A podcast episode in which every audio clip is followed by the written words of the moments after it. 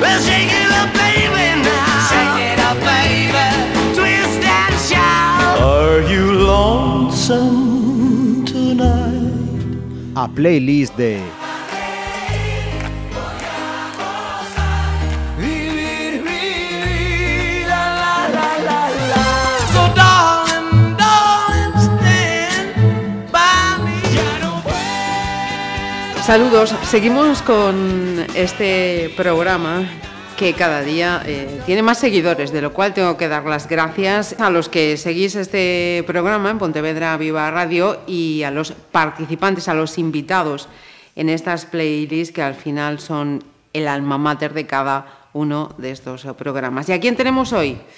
Pues mm, puedo dar una pista. Mm, tenemos a un alcalde. No es muy detallado, vale. Es el alcalde eh, de un municipio de la comarca de Pontevedra. Vamos a ponerle una característica especial después de la que ya nadie se puede despistar. La única playa fluvial con bandera azul. Don Andrés Díaz. de España. Sí, sí. Bienvenido. Gracias. Eh, estamos eh, delante de una persona que mm, ya se veía desde pequeño para esto de la política o ha sido algo a lo que las circunstancias poco a poco te han ido llevando. No, no, para nada.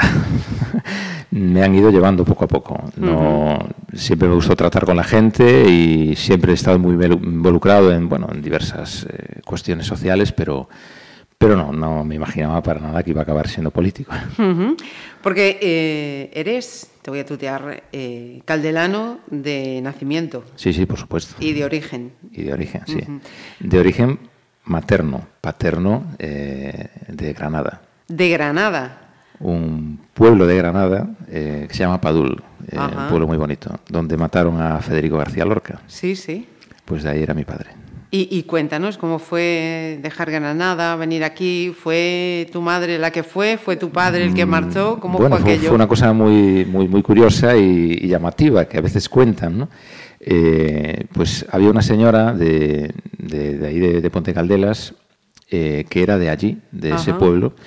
Y bueno, en aquel entonces, en aquellos años, pues sacaron una foto de estas de grupo eh, de medio pueblo, que, Sí. en blanco y negro, que casi no se distinguían ni las caras, y se la enviaron a ella allá. Y era vecina de mi padre. Mi padre estaba aquella ya trabajando en Alemania, iba a los veranos a- allá al pueblo. Y entre todas aquellas mm, fotos y caras, ¿no? Y, mm, de caras borrosas, Ajá. pues le gustó mi madre. Anda. Y esta señora, que conocía a mi madre, dijo, bueno, pues te voy a dar la dirección para que la escribas. Y así fue, se escribieron y se cartearon durante un año y al cabo de ese año mi padre se vino aquí, 15 días, la conoció, se fue otros 15 días para allá y ya se vino un mes para casarse. O sea que esa fue la aventura y llevan, pues eso, casi 40 años casados. Fíjate tú, qué cosa. Yo que me casé muy joven, que me decía mi madre, pero ¿estás seguro que os conocéis poco? Y digo, mamá, pero si tú te viste Me lo vienes 15 a días". decir tú. y, y nos comentabas ahora en esa, en esa historia, em, tu padre trabajaba en Alemania, o sea que también en la familia sabéis lo que es la, la migración, ¿no? Sí, sí, sí. Era. Bueno, eh, yo no la conocía, evidentemente, yo ya nací aquí. Mi padre se vino, se acabaron viniendo para aquí. eh, después ya empezó a trabajar en Citroën. Y, y sí, sí, mi padre sí que sabe y lo ha sufrido, ¿no? En, eh, en Andalucía, pues de aquellas también había pocas oportunidades laborales, más que trabajar en el campo y, y- y, bueno, había costumbre, como en todos los pueblos, imagino, ¿no? Que es, uno se acaba yendo a Alemania, pues acaba llevando a medio pueblo con él, ¿no? Eh, lo mismo pasaba aquí con Brasil o con México, ¿no? Pues allí prácticamente el 70, el 80% de Padul fueron todos inmigrantes en Alemania. En Alemania. ajá. Y Andrés es eh, hijo único, tiene más hermanos, tiene más hermanas. No, tengo dos hermanos. Yo soy el del medio. Eres el de en medio. Sí. Uf, qué peligro tiene eso. Sí, sí. qué y peligro el, tiene y el eso. más traste de los tres. Mira, y en la casa de los eh, Díaz, ¿cuál es el segundo apellido?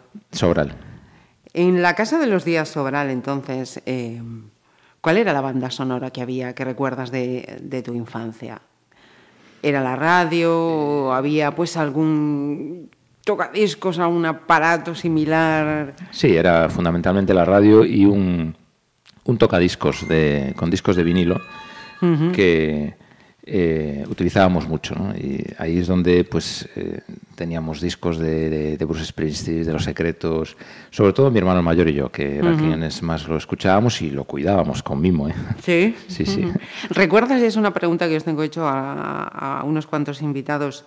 ¿Cuál fue el primer disco que compraste? Sí, el de Los Secretos. Mira, ¿ves? Este sí que le ha puesto nombre. Pues si te parece podemos eh, comenzar con la primera selección. Cuéntanos eh, por qué y qué has seleccionado.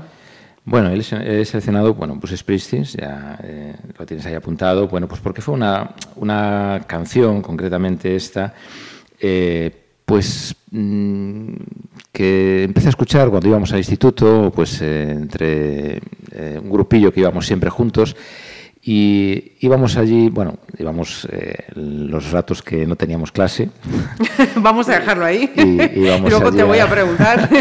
íbamos allí al recreativo, que era lo típico, y jugábamos pues al futbolín, allí al billar y eso. Y, y esta era una canción que la ponían constantemente, ¿no? Y bueno, de aquella jugábamos mucho al futbolín, era lo típico en aquella época. Y bueno, la tenía asociada cada vez que ganábamos al fútbolín salía esta canción, ¿no? Por eso siempre me ha traído muy buenos recuerdos. Buenos recuerdos. Pues venga, vamos una vez más.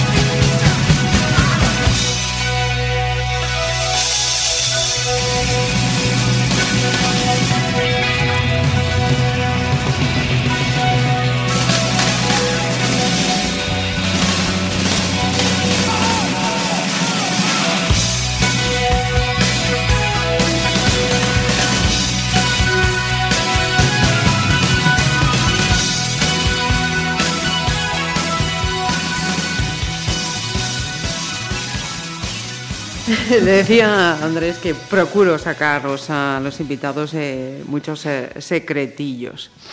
Alguno va a salir, pero no personal, sino musical. Esto ya es una avanzadilla. Y decía, hablaba de esos momentos de, de futbolín y mm, ¿Cómo era ese Andrés Díaz, eh, estudiante? ¿Estudiaste allí en, en, Caldelas? No, no, en Vigo, en Vigo. En Vigo. Estudiamos en Vigo, sí. Uh -huh. ¿Y cómo fue eso de marchar a Vigo? ¿Decisión eh, no, paterna, bueno, imagino? No, bueno, mi, mi, mi, padre trabajaba en Citroën, entonces eh, vivíamos en Vigo. Ah, vivíais en Vigo. Veníamos vale, los vale, fines vale. de semana y los veranos. Ajá. ¿eh? Pero resid residíamos en Vigo y estudiamos en Vigo. Ah, o sea, eso, eso me cambia la historia. O sea, que eres un niño de infancia en la gran ciudad y que tenía Caldelas, eso, como segunda vivienda de verano y de, y de fin de semana. Con lo cual, la perspectiva, me imagino, eh, de, de, ese lugar de fin de semana y de verano es muy diferente que cuando lo vives día a día, ¿no? Sí, bueno, nosotros estudiamos hasta eh, primero en, en Ponte Caldelas, después ya nos fuimos para Vigo y, y, ya, bueno, estudiamos allí, mis padres vivían allí. Y sí, efectivamente, el día a día es distinto, ¿no? Claro, uh -huh. eh, pero, pero bueno, en fin, eh, yo era siempre el que, eh, de los tres hermanos, el que más tiraba por, por, por el por pueblo, Candelas. siempre me ha encantado. Uh -huh. Y bueno, estaba deseando venir. Los fines de semana, bueno, era un disgusto si no veníamos. De hecho, veníamos todos, aunque granizara, vamos. Era... Había sí, que sí. estar. Sí, sí, sí, sí. Uh -huh. Porque aparte teníamos mi abuela también, eh, residiendo en la aldea y en Anceu, un pueblecito uh -huh. muy bonito. No puedo decir el más bonito, evidentemente, porque todo, los del resto se van a enfadar, lógicamente. Todo Puente Calderas es precioso. Eh, pero, pero sí, sí, era. Aparte, bueno, yo siempre he tenido una relación muy especial con mi abuela y, uh -huh. y bueno, pues la echaba de menos toda la semana, ¿no? Sí, Ella sí. siempre fue una, bueno, una persona que que me, bueno, pues me incitó muchas cosas, me enseñó muchas cosas y, y bueno, pues eh, desgraciadamente murió cuando yo no estaba cerca de ella, ¿no? Uh -huh. Y siempre me, me quedó esa, esa, esa espinilla ahí, sí. Que sepas que siguen ahí, ¿eh? aunque, no, aunque no lo parezca. Estoy seguro. Hay veces que pasan situaciones, cosas que dices, esto no puede ser la casualidad. ¿eh? Tiene que ser por algún sitio donde anden que siguen dándonos pistas de que ahí están. O sea que quédate, quédate con eso. ¿Cuándo vuelves a, a vivir a Caldelas? Eh, yo vuelvo a vivir a Caldelas, bueno, me casé muy jovencito también, con 20 años, y, y, con 21 ya tuve mi primer hijo, pues con 22 años. Con 22, 22 años. 22 23 años volví a, a, residir en Ponte Caldelas. Uh -huh. Y, y, esa vida en, en Vigo, eh, estábamos hablando de esa etapa estudiantil, los fines de semana de Caldelas. Eh, ¿Por dónde dirigiste tu, tu, vocación? ¿Iba por el estudio, no iba por el estudio? ¿Por dónde apuntabas? Sí, yo, a ver, siempre me encantó eh, la rama, que es lo que estudié, vamos, de la mecánica industrial, sobre todo la robótica. Uh -huh. era, era, y es una de, de, de mis pasiones, ¿no? todas las instalaciones robóticas, pues bueno, pues es algo que me, que me llama, que me gusta, que me, que me incentiva y, y, y, me gusta. O sea, me, quiero aprender siempre, ¿no? Aparte es algo, es eh, una mecánica que evoluciona muy, muy rápido. Uh -huh, cierto. Y era lo que me dedicaba también en Citroën. Ah, o sea, que tú también fuiste trabajador de Citroën. Sí, sí, también. también. Hablaba yo antes de ir sacando secretos y creo que es el momento de sacar a los secretos, pero musicalmente, ¿no? ¿Cómo, ¿Cómo, llegan? ¿Por esa influencia de tu hermano mayor? Porque era pues uno de los que había en aquel momento, inexcusablemente, están ahí en la vida de aquellos que estábamos en los 70. Cuéntanos. Sí, bueno, pues eh, lo empezábamos a escuchar los dos juntos. Eh, él le gustaba otra canción de Los Secretos. Bueno, le gustaban todas, pero eso, su preferida era otra. La mía era esta y, bueno, coincidió también mi... Eh, bueno, pues que conocí ahí a un, uno de mis primeros amores ¿eh? y, sí. y, y, bueno, pues esta canción era, era compartida. ¿no?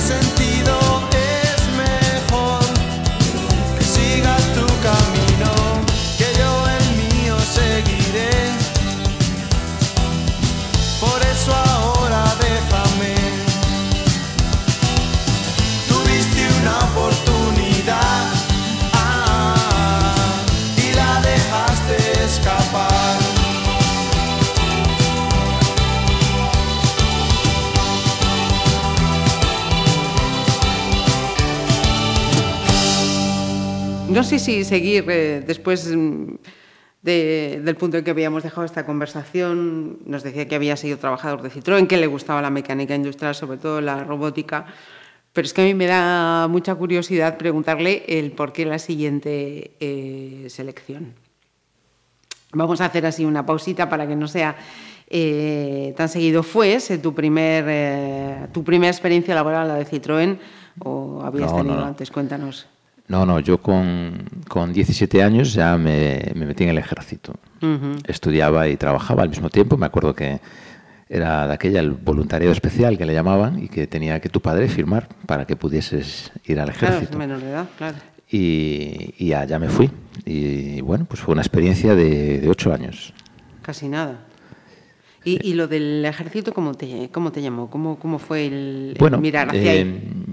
Mm, de aquella pues fue algo que me, que me gustaba, que, que me apetecía probar. Y, y, bueno, siempre he sido deportista también, siempre me ha, me ha gustado las- los, los deportes pues de riesgo también incluso. Y bueno, pues fue, mm, puedo decir que mm, de aquella fue casi algo vocacional, ¿no?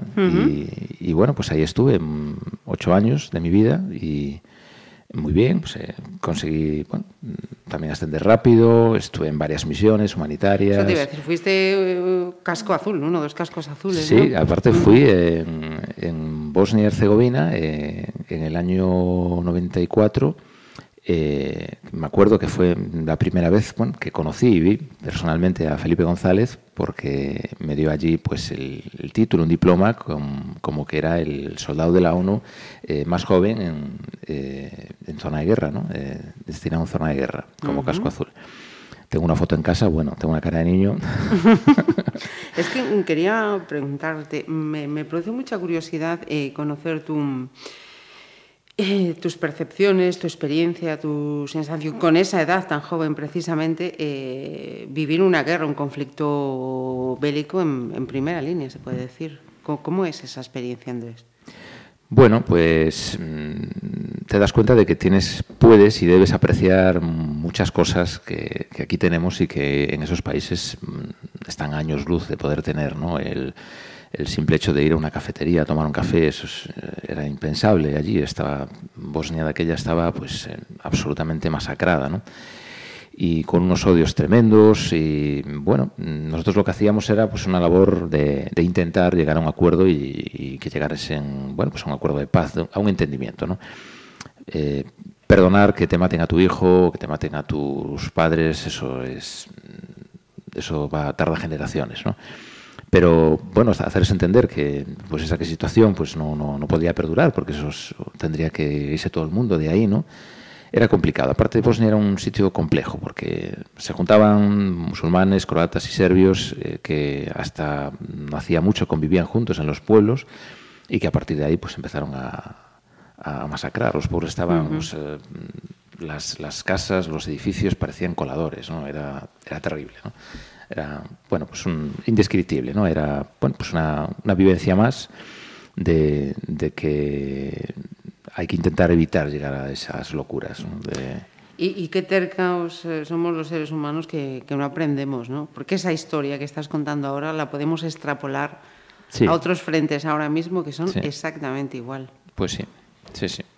Es eh, una situación de, pues de, de- de intentar convivir, ¿no? Cada uno puede pensar de una manera distinta, eh, puede tener un- una raza distinta o una religión distinta, pero eh, la buena convivencia debe siempre prevalecer, ¿no? Eh, lo siguiente son las armas. En fin,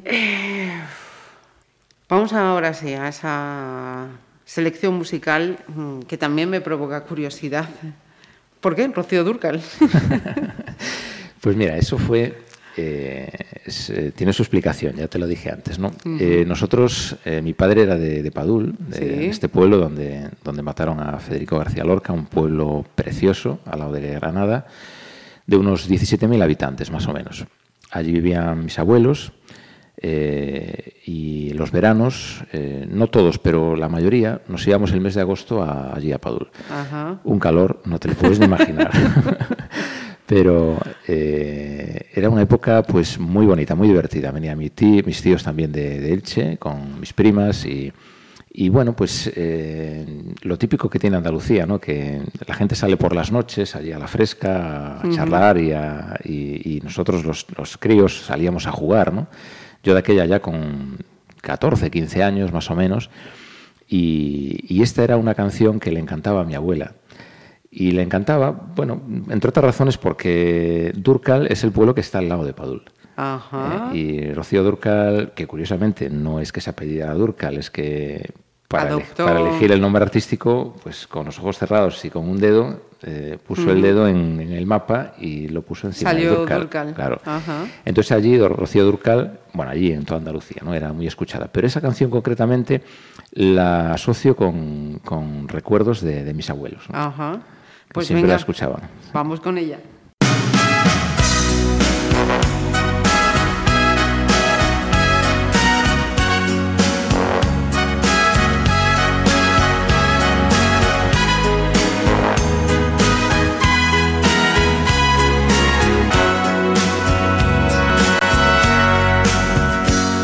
Yo te doy toda mi vida y hasta más quisiera. Sabes bien que soy tan tuya hasta que un día me muera. Pero ve que al engañarme te engañas tú mismo. por tu altivez, por esas cosas que tú haces conmigo. Quiero evitar un castigo, me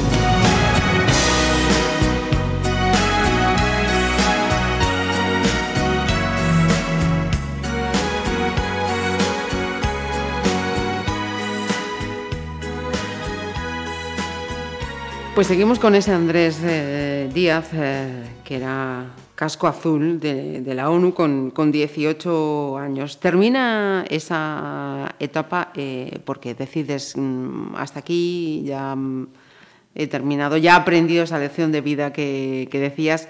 ¿Por qué das ese giro o ese paso? No tiene por qué ser un giro. Bueno, eh, mm, yo en el ejército, eh, claro, bueno, lo típico que tiene, ¿no? Al ascender y eh, cambias de destinos, estuve destinado en varios sitios, entre ellos, pues, tres años estuve en Las Palmas. Y bueno, pues finalmente acabé de estudiar también, porque evidentemente había... trabajando, estudi o sea, estudiar y trabajar y, y, que cada poco te ibas de misión y cada, o de, de maniobras no era fácil. Uh -huh.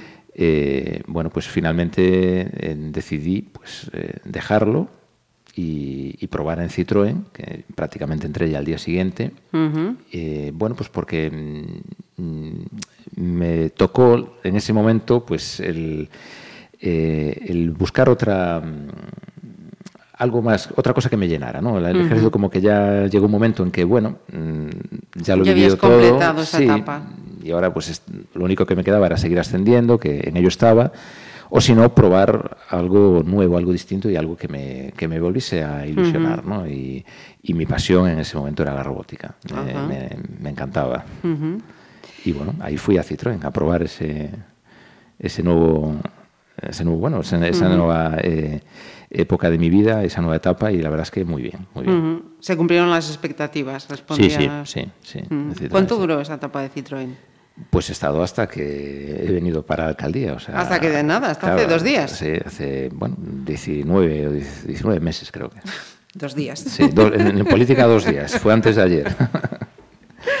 Vamos, si te parece, con otra pausa, con otros eh, míticos eh, también que lógicamente tienen que tener su historia. ¿Por qué Queen? ¿En qué momento? ¿Que no recuerda? Sí, bueno, Queen es eh, una época mmm, más jovencito, eh, no te las he puesto por orden ahora que lo, que lo pienso, una época más jovencito cuando iba al instituto y cuando de aquella pues era lo típico eh, en Vigo pues salir a las discotecas un ratito de tarde, que uh -huh. eran sesiones de tarde para, para los más jóvenes y, y, de aquella, pues esta canción era me, me, me trae muchos recuerdos por, por la amistad, ¿no? Por, por, por, mi grupillo, que todavía seguimos viéndonos de vez Ajá. en cuando. Y sí, es una canción que como que nos une. Como mm. que cuando la recordamos... Es el himno. Los, los siete nos ponemos a, a mover el pie. Sí, sí. sí, sí pues vamos el, con el Radio Gaga, ¿no? Canción de la amistad, sí.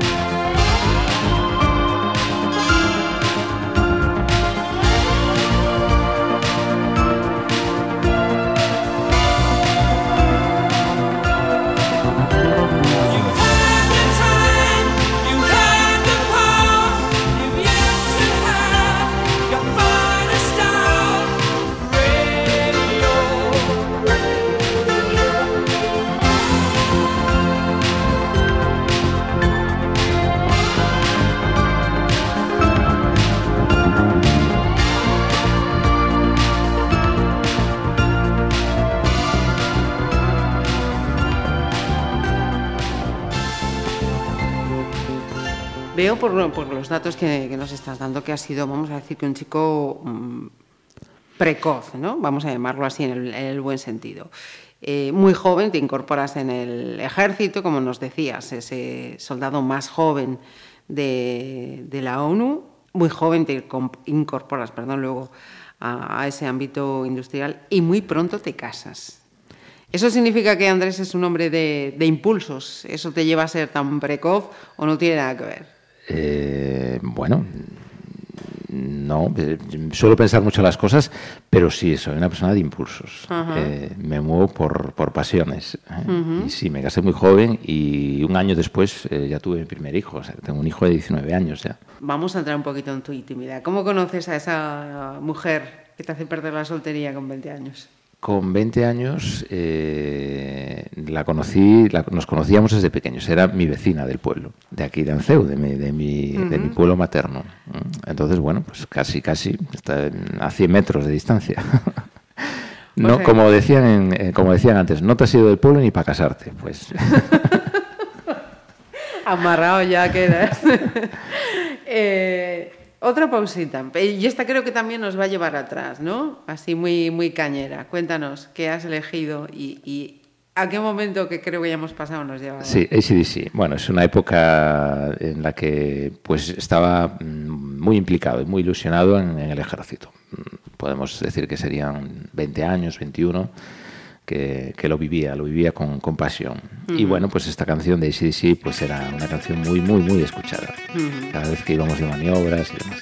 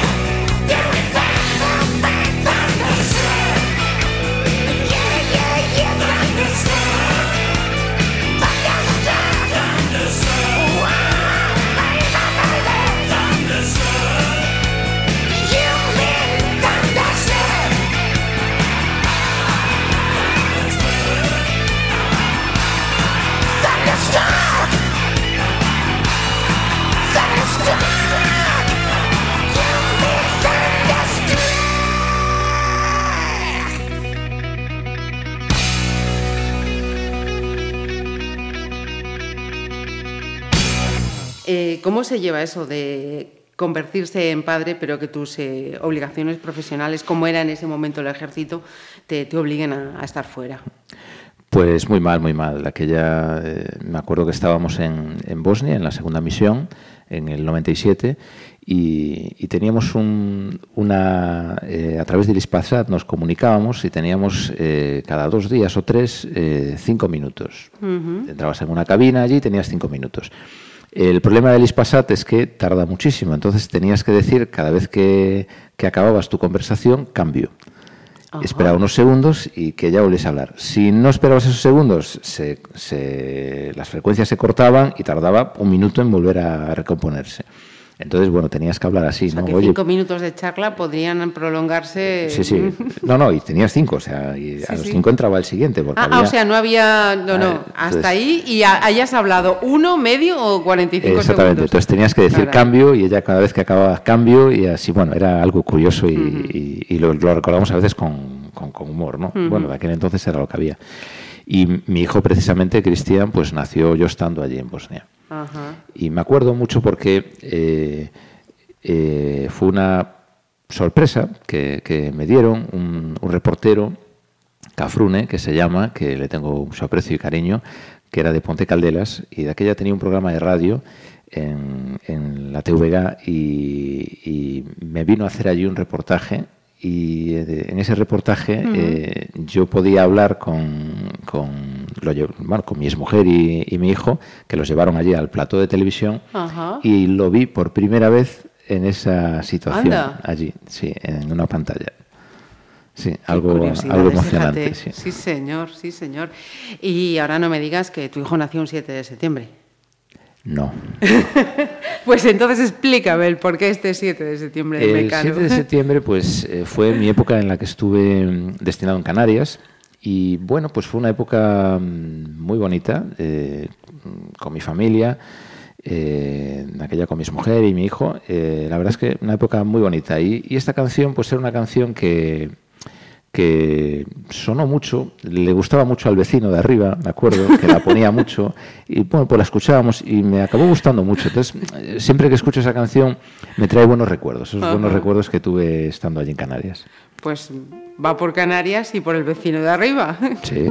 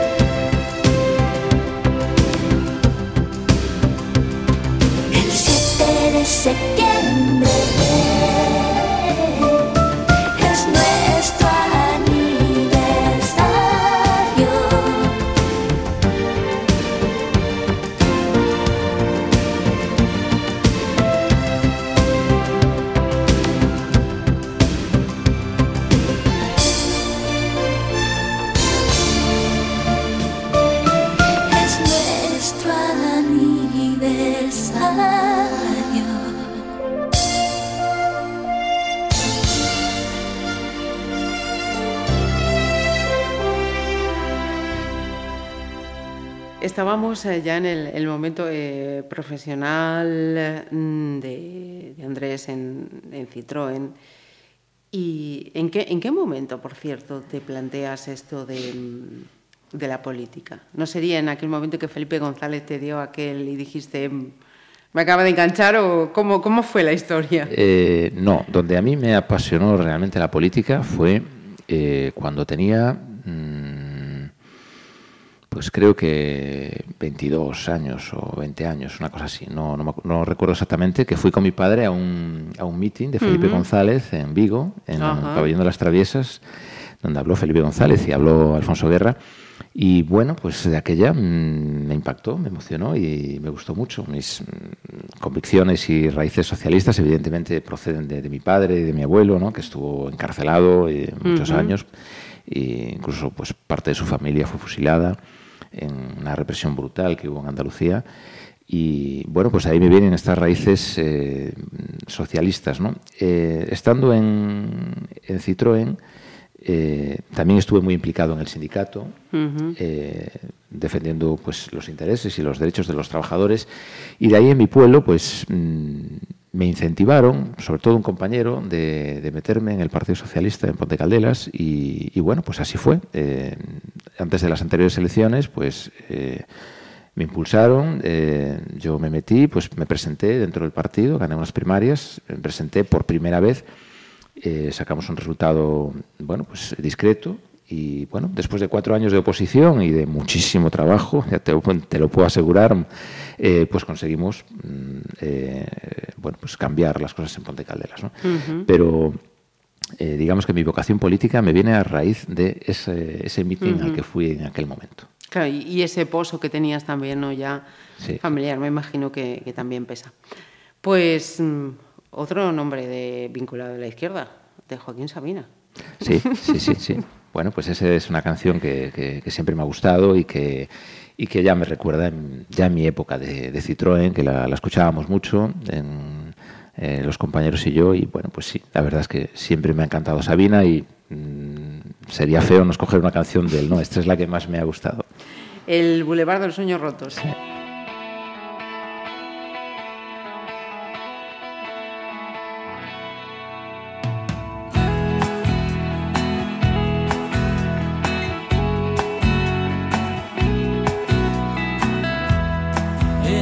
De los sueños rotos vive una dama de poncho rojo, pelo de plata y carne morena,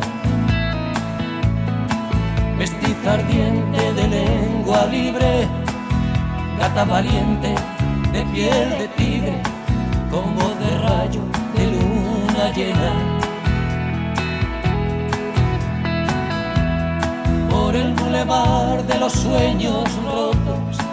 Pasan de largo los terremotos y hay un tequila por cada duda. Cuando Agustín se sienta al piano, Diego Rivera, lápiz en mano, dibuja Frida Kahlo desnuda. Se escapó de una cárcel de amor, de un delirio de alcohol, de mil noches en vela. Se dejó el corazón en Madrid, quien supiera reír. Como llora Chabela. Por el bulevar de los sueños rotos, desconsolados van los devotos de San Antonio pidiendo besos. Ponme la mano aquí, Macorina, rezan tus fieles por las cantinas, paloma negra de los excesos. Por el bulevar de los sueños rotos, moja una lágrima antiguas fotos y una canción se burla del miedo. Las amarguras no son amargas cuando las canta Chabela Vargas y las escribe un tal José Alfredo. Se escapó de una cárcel de amor, de un delirio de alcohol, de mil noches en vela. Se dejó el corazón en Madrid, quien supiera reír. Como llora Chabela.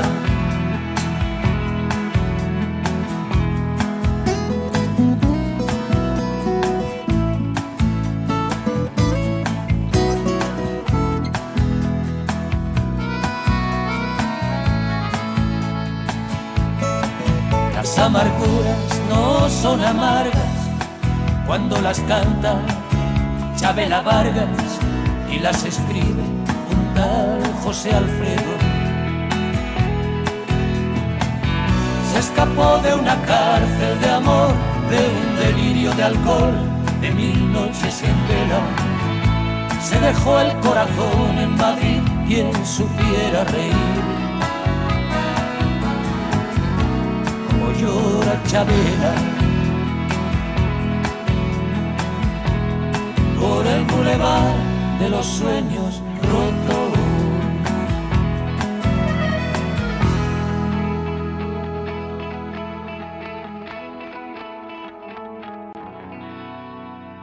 La siguiente eh, selección eh, gira eh, en torno a un programa televisivo, ¿no? Es un clásico, Es un Dorma, pero en la versión de Paul Potts, ¿no? Que salió a través de esos programas de talentos. ¿Y mm, por qué hago esta mención a la televisión? Porque quería preguntarte por los medios de comunicación. ¿Cómo se ven eh, los medios de comunicación eh, cuando uno está fuera del foco de la noticia a cuando pasa a estar en el foco de la noticia? Uf, muy distinto. muy distinto, pero bueno, eh, supongo que la- los medios de comunicación, pues eh, los, reporteros que tienen, pues eh, eso, son eh, independientes, libres y cada uno pues tiene su, su manera de, escribir y de, y de comunicar, ¿no? Y bueno, pues es simplemente que hay que, hay que respetarlo. ¿no? ¿Eres un hombre de mucha televisión o consumes poca televisión? Pues un poquito por la noche, cuando eh, estoy en casa con mi pareja, tarde, noche, casi a veces ni eso, por- pero bueno, muy poquito, muy poquito. No, no, no tengo tiempo de, de escucharos ni de escuchar este programa tampoco, que lo Le vamos a dar tirón de orejas sí, para que saque un huequito para escuchar Pontevedra Viva Sí, Radio. No, no soy capaz, no soy capaz. Es, un, es una profesión esta que si, la, si te gusta y la vives, eh, le dedicas eh, cuerpo y alma de la mañana a la noche. Yo ahora estoy aquí contigo, pero a las nueve tengo que estar en el concello, que tengo otra nueva reunión a, a esa hora. ¿no? Entonces, mm, no hay posibilidad de, de ocio poquita. Pues hacemos un momentito de pausa de relajo con este Nessun Dorma.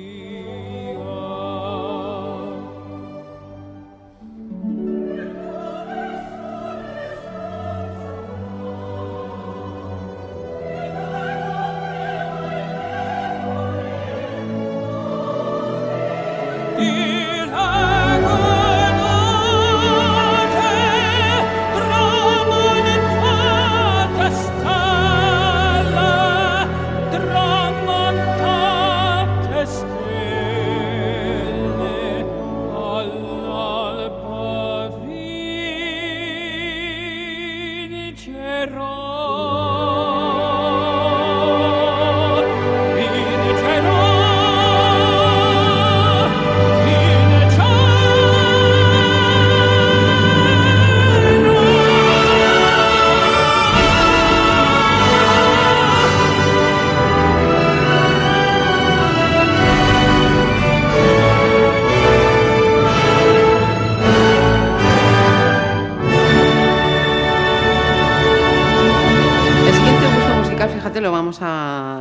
compartir. Pero antes te quería preguntar por otro nombre propio en tu vida, el de Rubén. ¿Quién es? ¿Cuándo llega? ¿Cómo llega?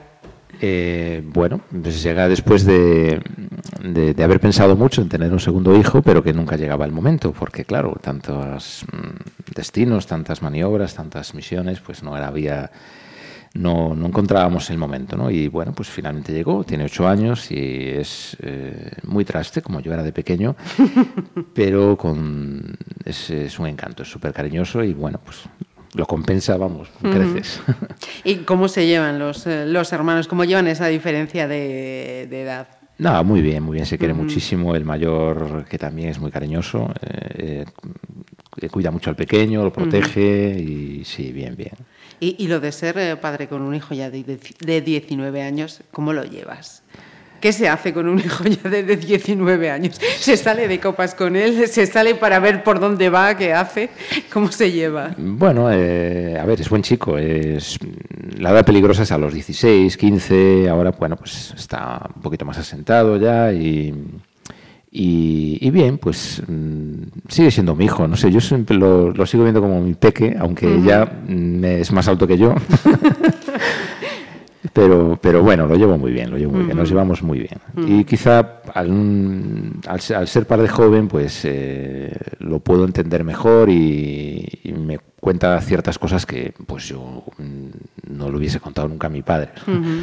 eh, aquella pues era, bueno, otra... Sí, otra, otra relación, padre. Otra, otra forma, sí. Efectivamente. Y ahora es una relación pues más de complicidad, mucha complicidad y y bueno, no sé, yo, mm. es que nos llevamos muy bien, aún nos acabamos de ver ahora y... ¿Hacia dónde? Me llama viejo, que somos, Te llama viejo. Mm, para, para, picarme, claro. Caray, estos chicos. ¿Hacia dónde apunta Cristian? Bueno, a Cristian le encanta la electricidad. Va, espero que vaya por, por ese ramo. Le Ajá. cuesta estudiar, pero bueno, en fin, eh, luchando estamos ahí con él. Uh -huh. Pues habrá, como dice la canción que has seleccionado, darle tiempo al tiempo. ¿Cuándo llega Café Quijano a, a tu vida? ¿Cómo llega? Bueno, esta, esta canción es eh, una época también bonita que he vivido hace mm, eh, tres años más o menos, pues con, con mi anterior pareja y, y, bueno, pues fue un momento en el que salió esa canción y me encantó y los fui a ver en directo allí en Vigo, uh -huh. un regalo además que, que me hizo y, y, y bueno, pues me da me recuerda una época pues bonita agradable que, que he vivido sí. uh -huh.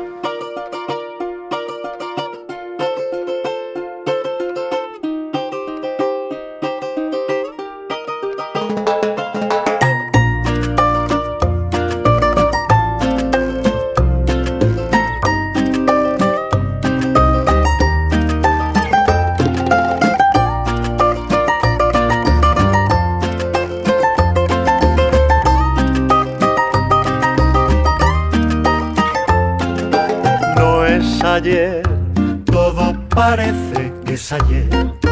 Es porque el tiempo vuela y no se frena, y se va y se va, y no hay manera de robar un instante que me pueda permitir estar más tiempo así, jugando a conquistarnos y abrazado a ti, jugando a no dormir, viéndote a tantos cielos que se pueden ver si miras desde aquí. Despierto y no sé cómo robarle tiempo al tiempo. Cada día, cada noche es un momento.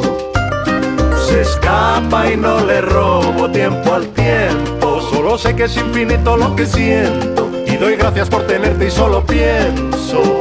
A ver cómo le robo tiempo al tiempo.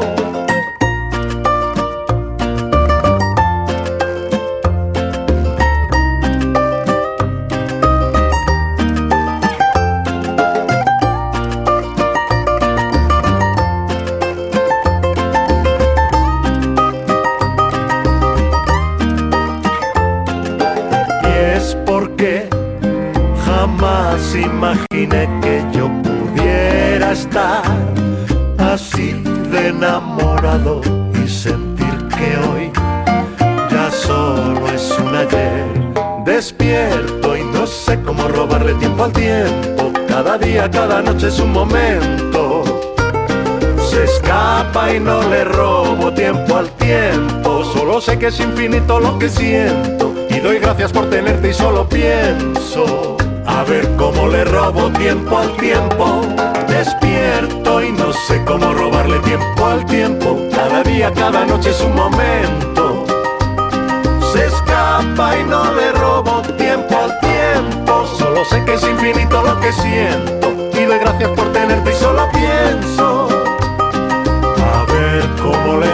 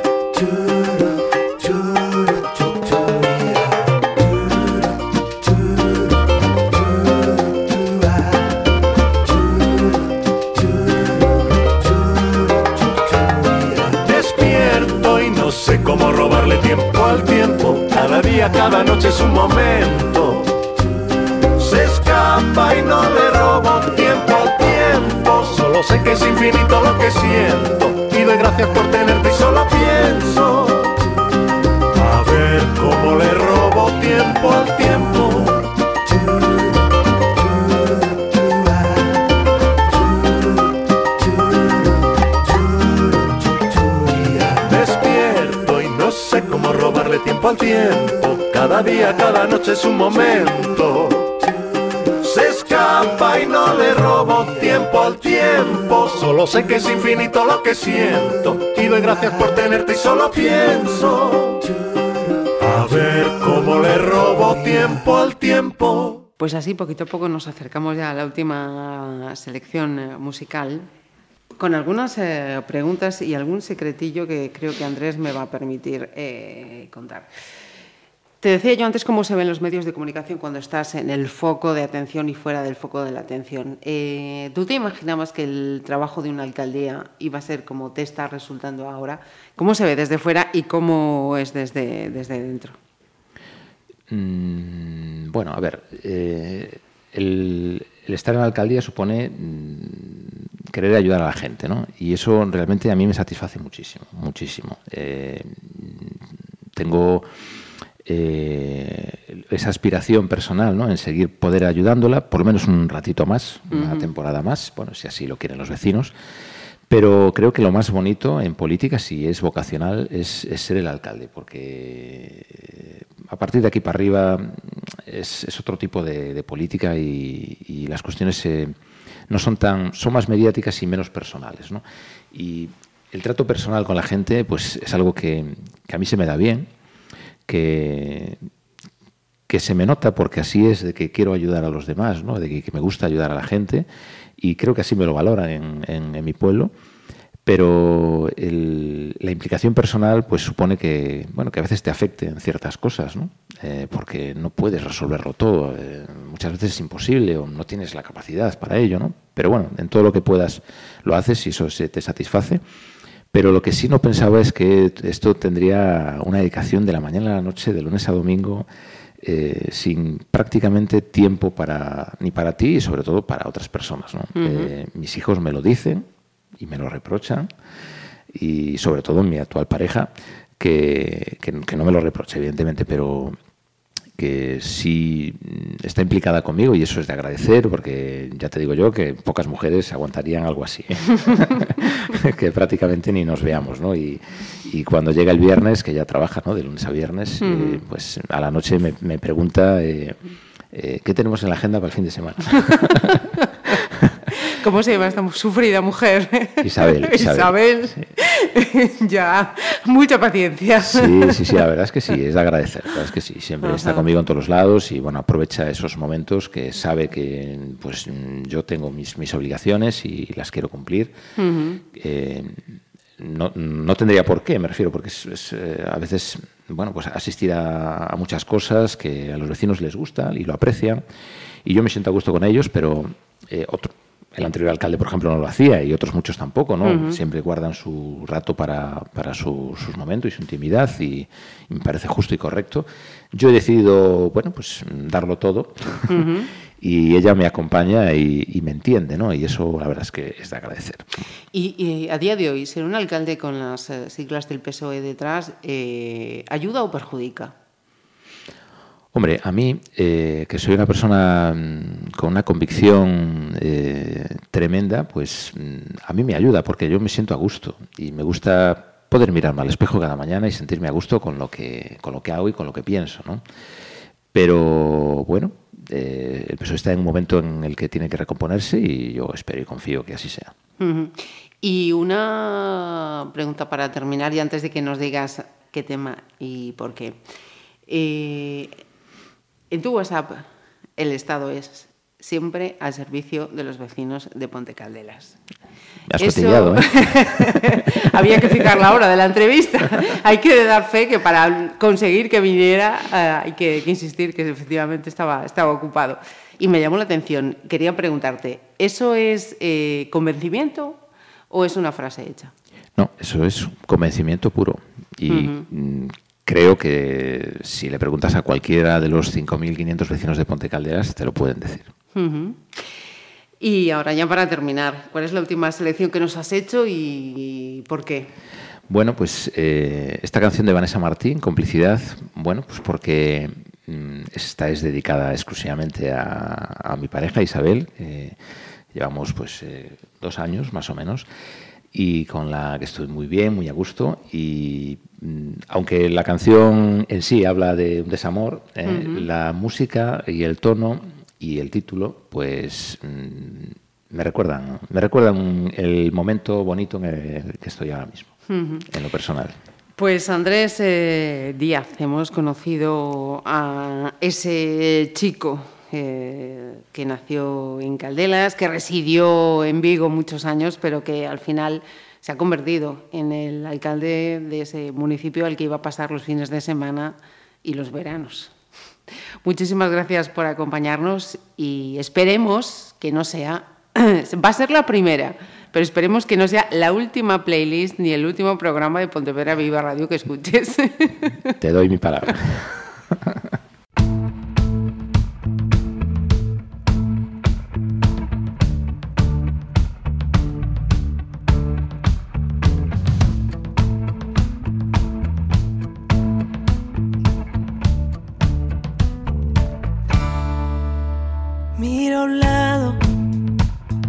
si encuentro la complicidad en tus ojos, por si acaso me haces algún gesto y noto que de nuevo ganamos confianza.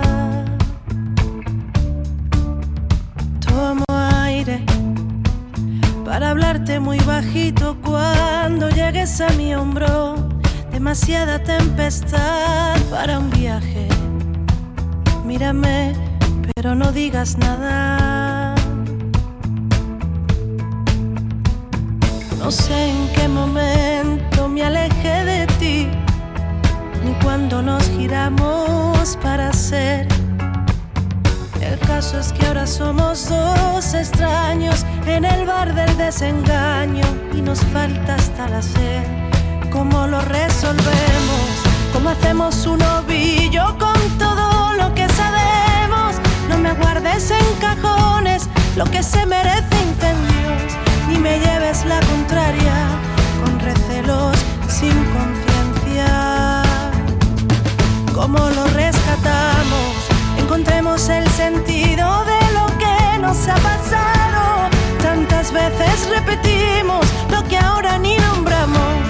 Qué difícil tanta vuelta. Ya sabemos cómo es aquello de cambiar el rumbo. Simulamos y ponemos mil alertas cuando alguno de los dos se ronda. No sé en qué momento se alejó de mí, ni cuando nos giramos para ser. El caso es que ahora somos dos extraños en el bar del desengaño y nos falta hasta la sed. ¿Cómo lo resolvemos? ¿Cómo hacemos un ovillo con todo lo que sabemos? No me guardes en cajones lo que se merece incendios y me lleves la contraria con recelos sin conciencia.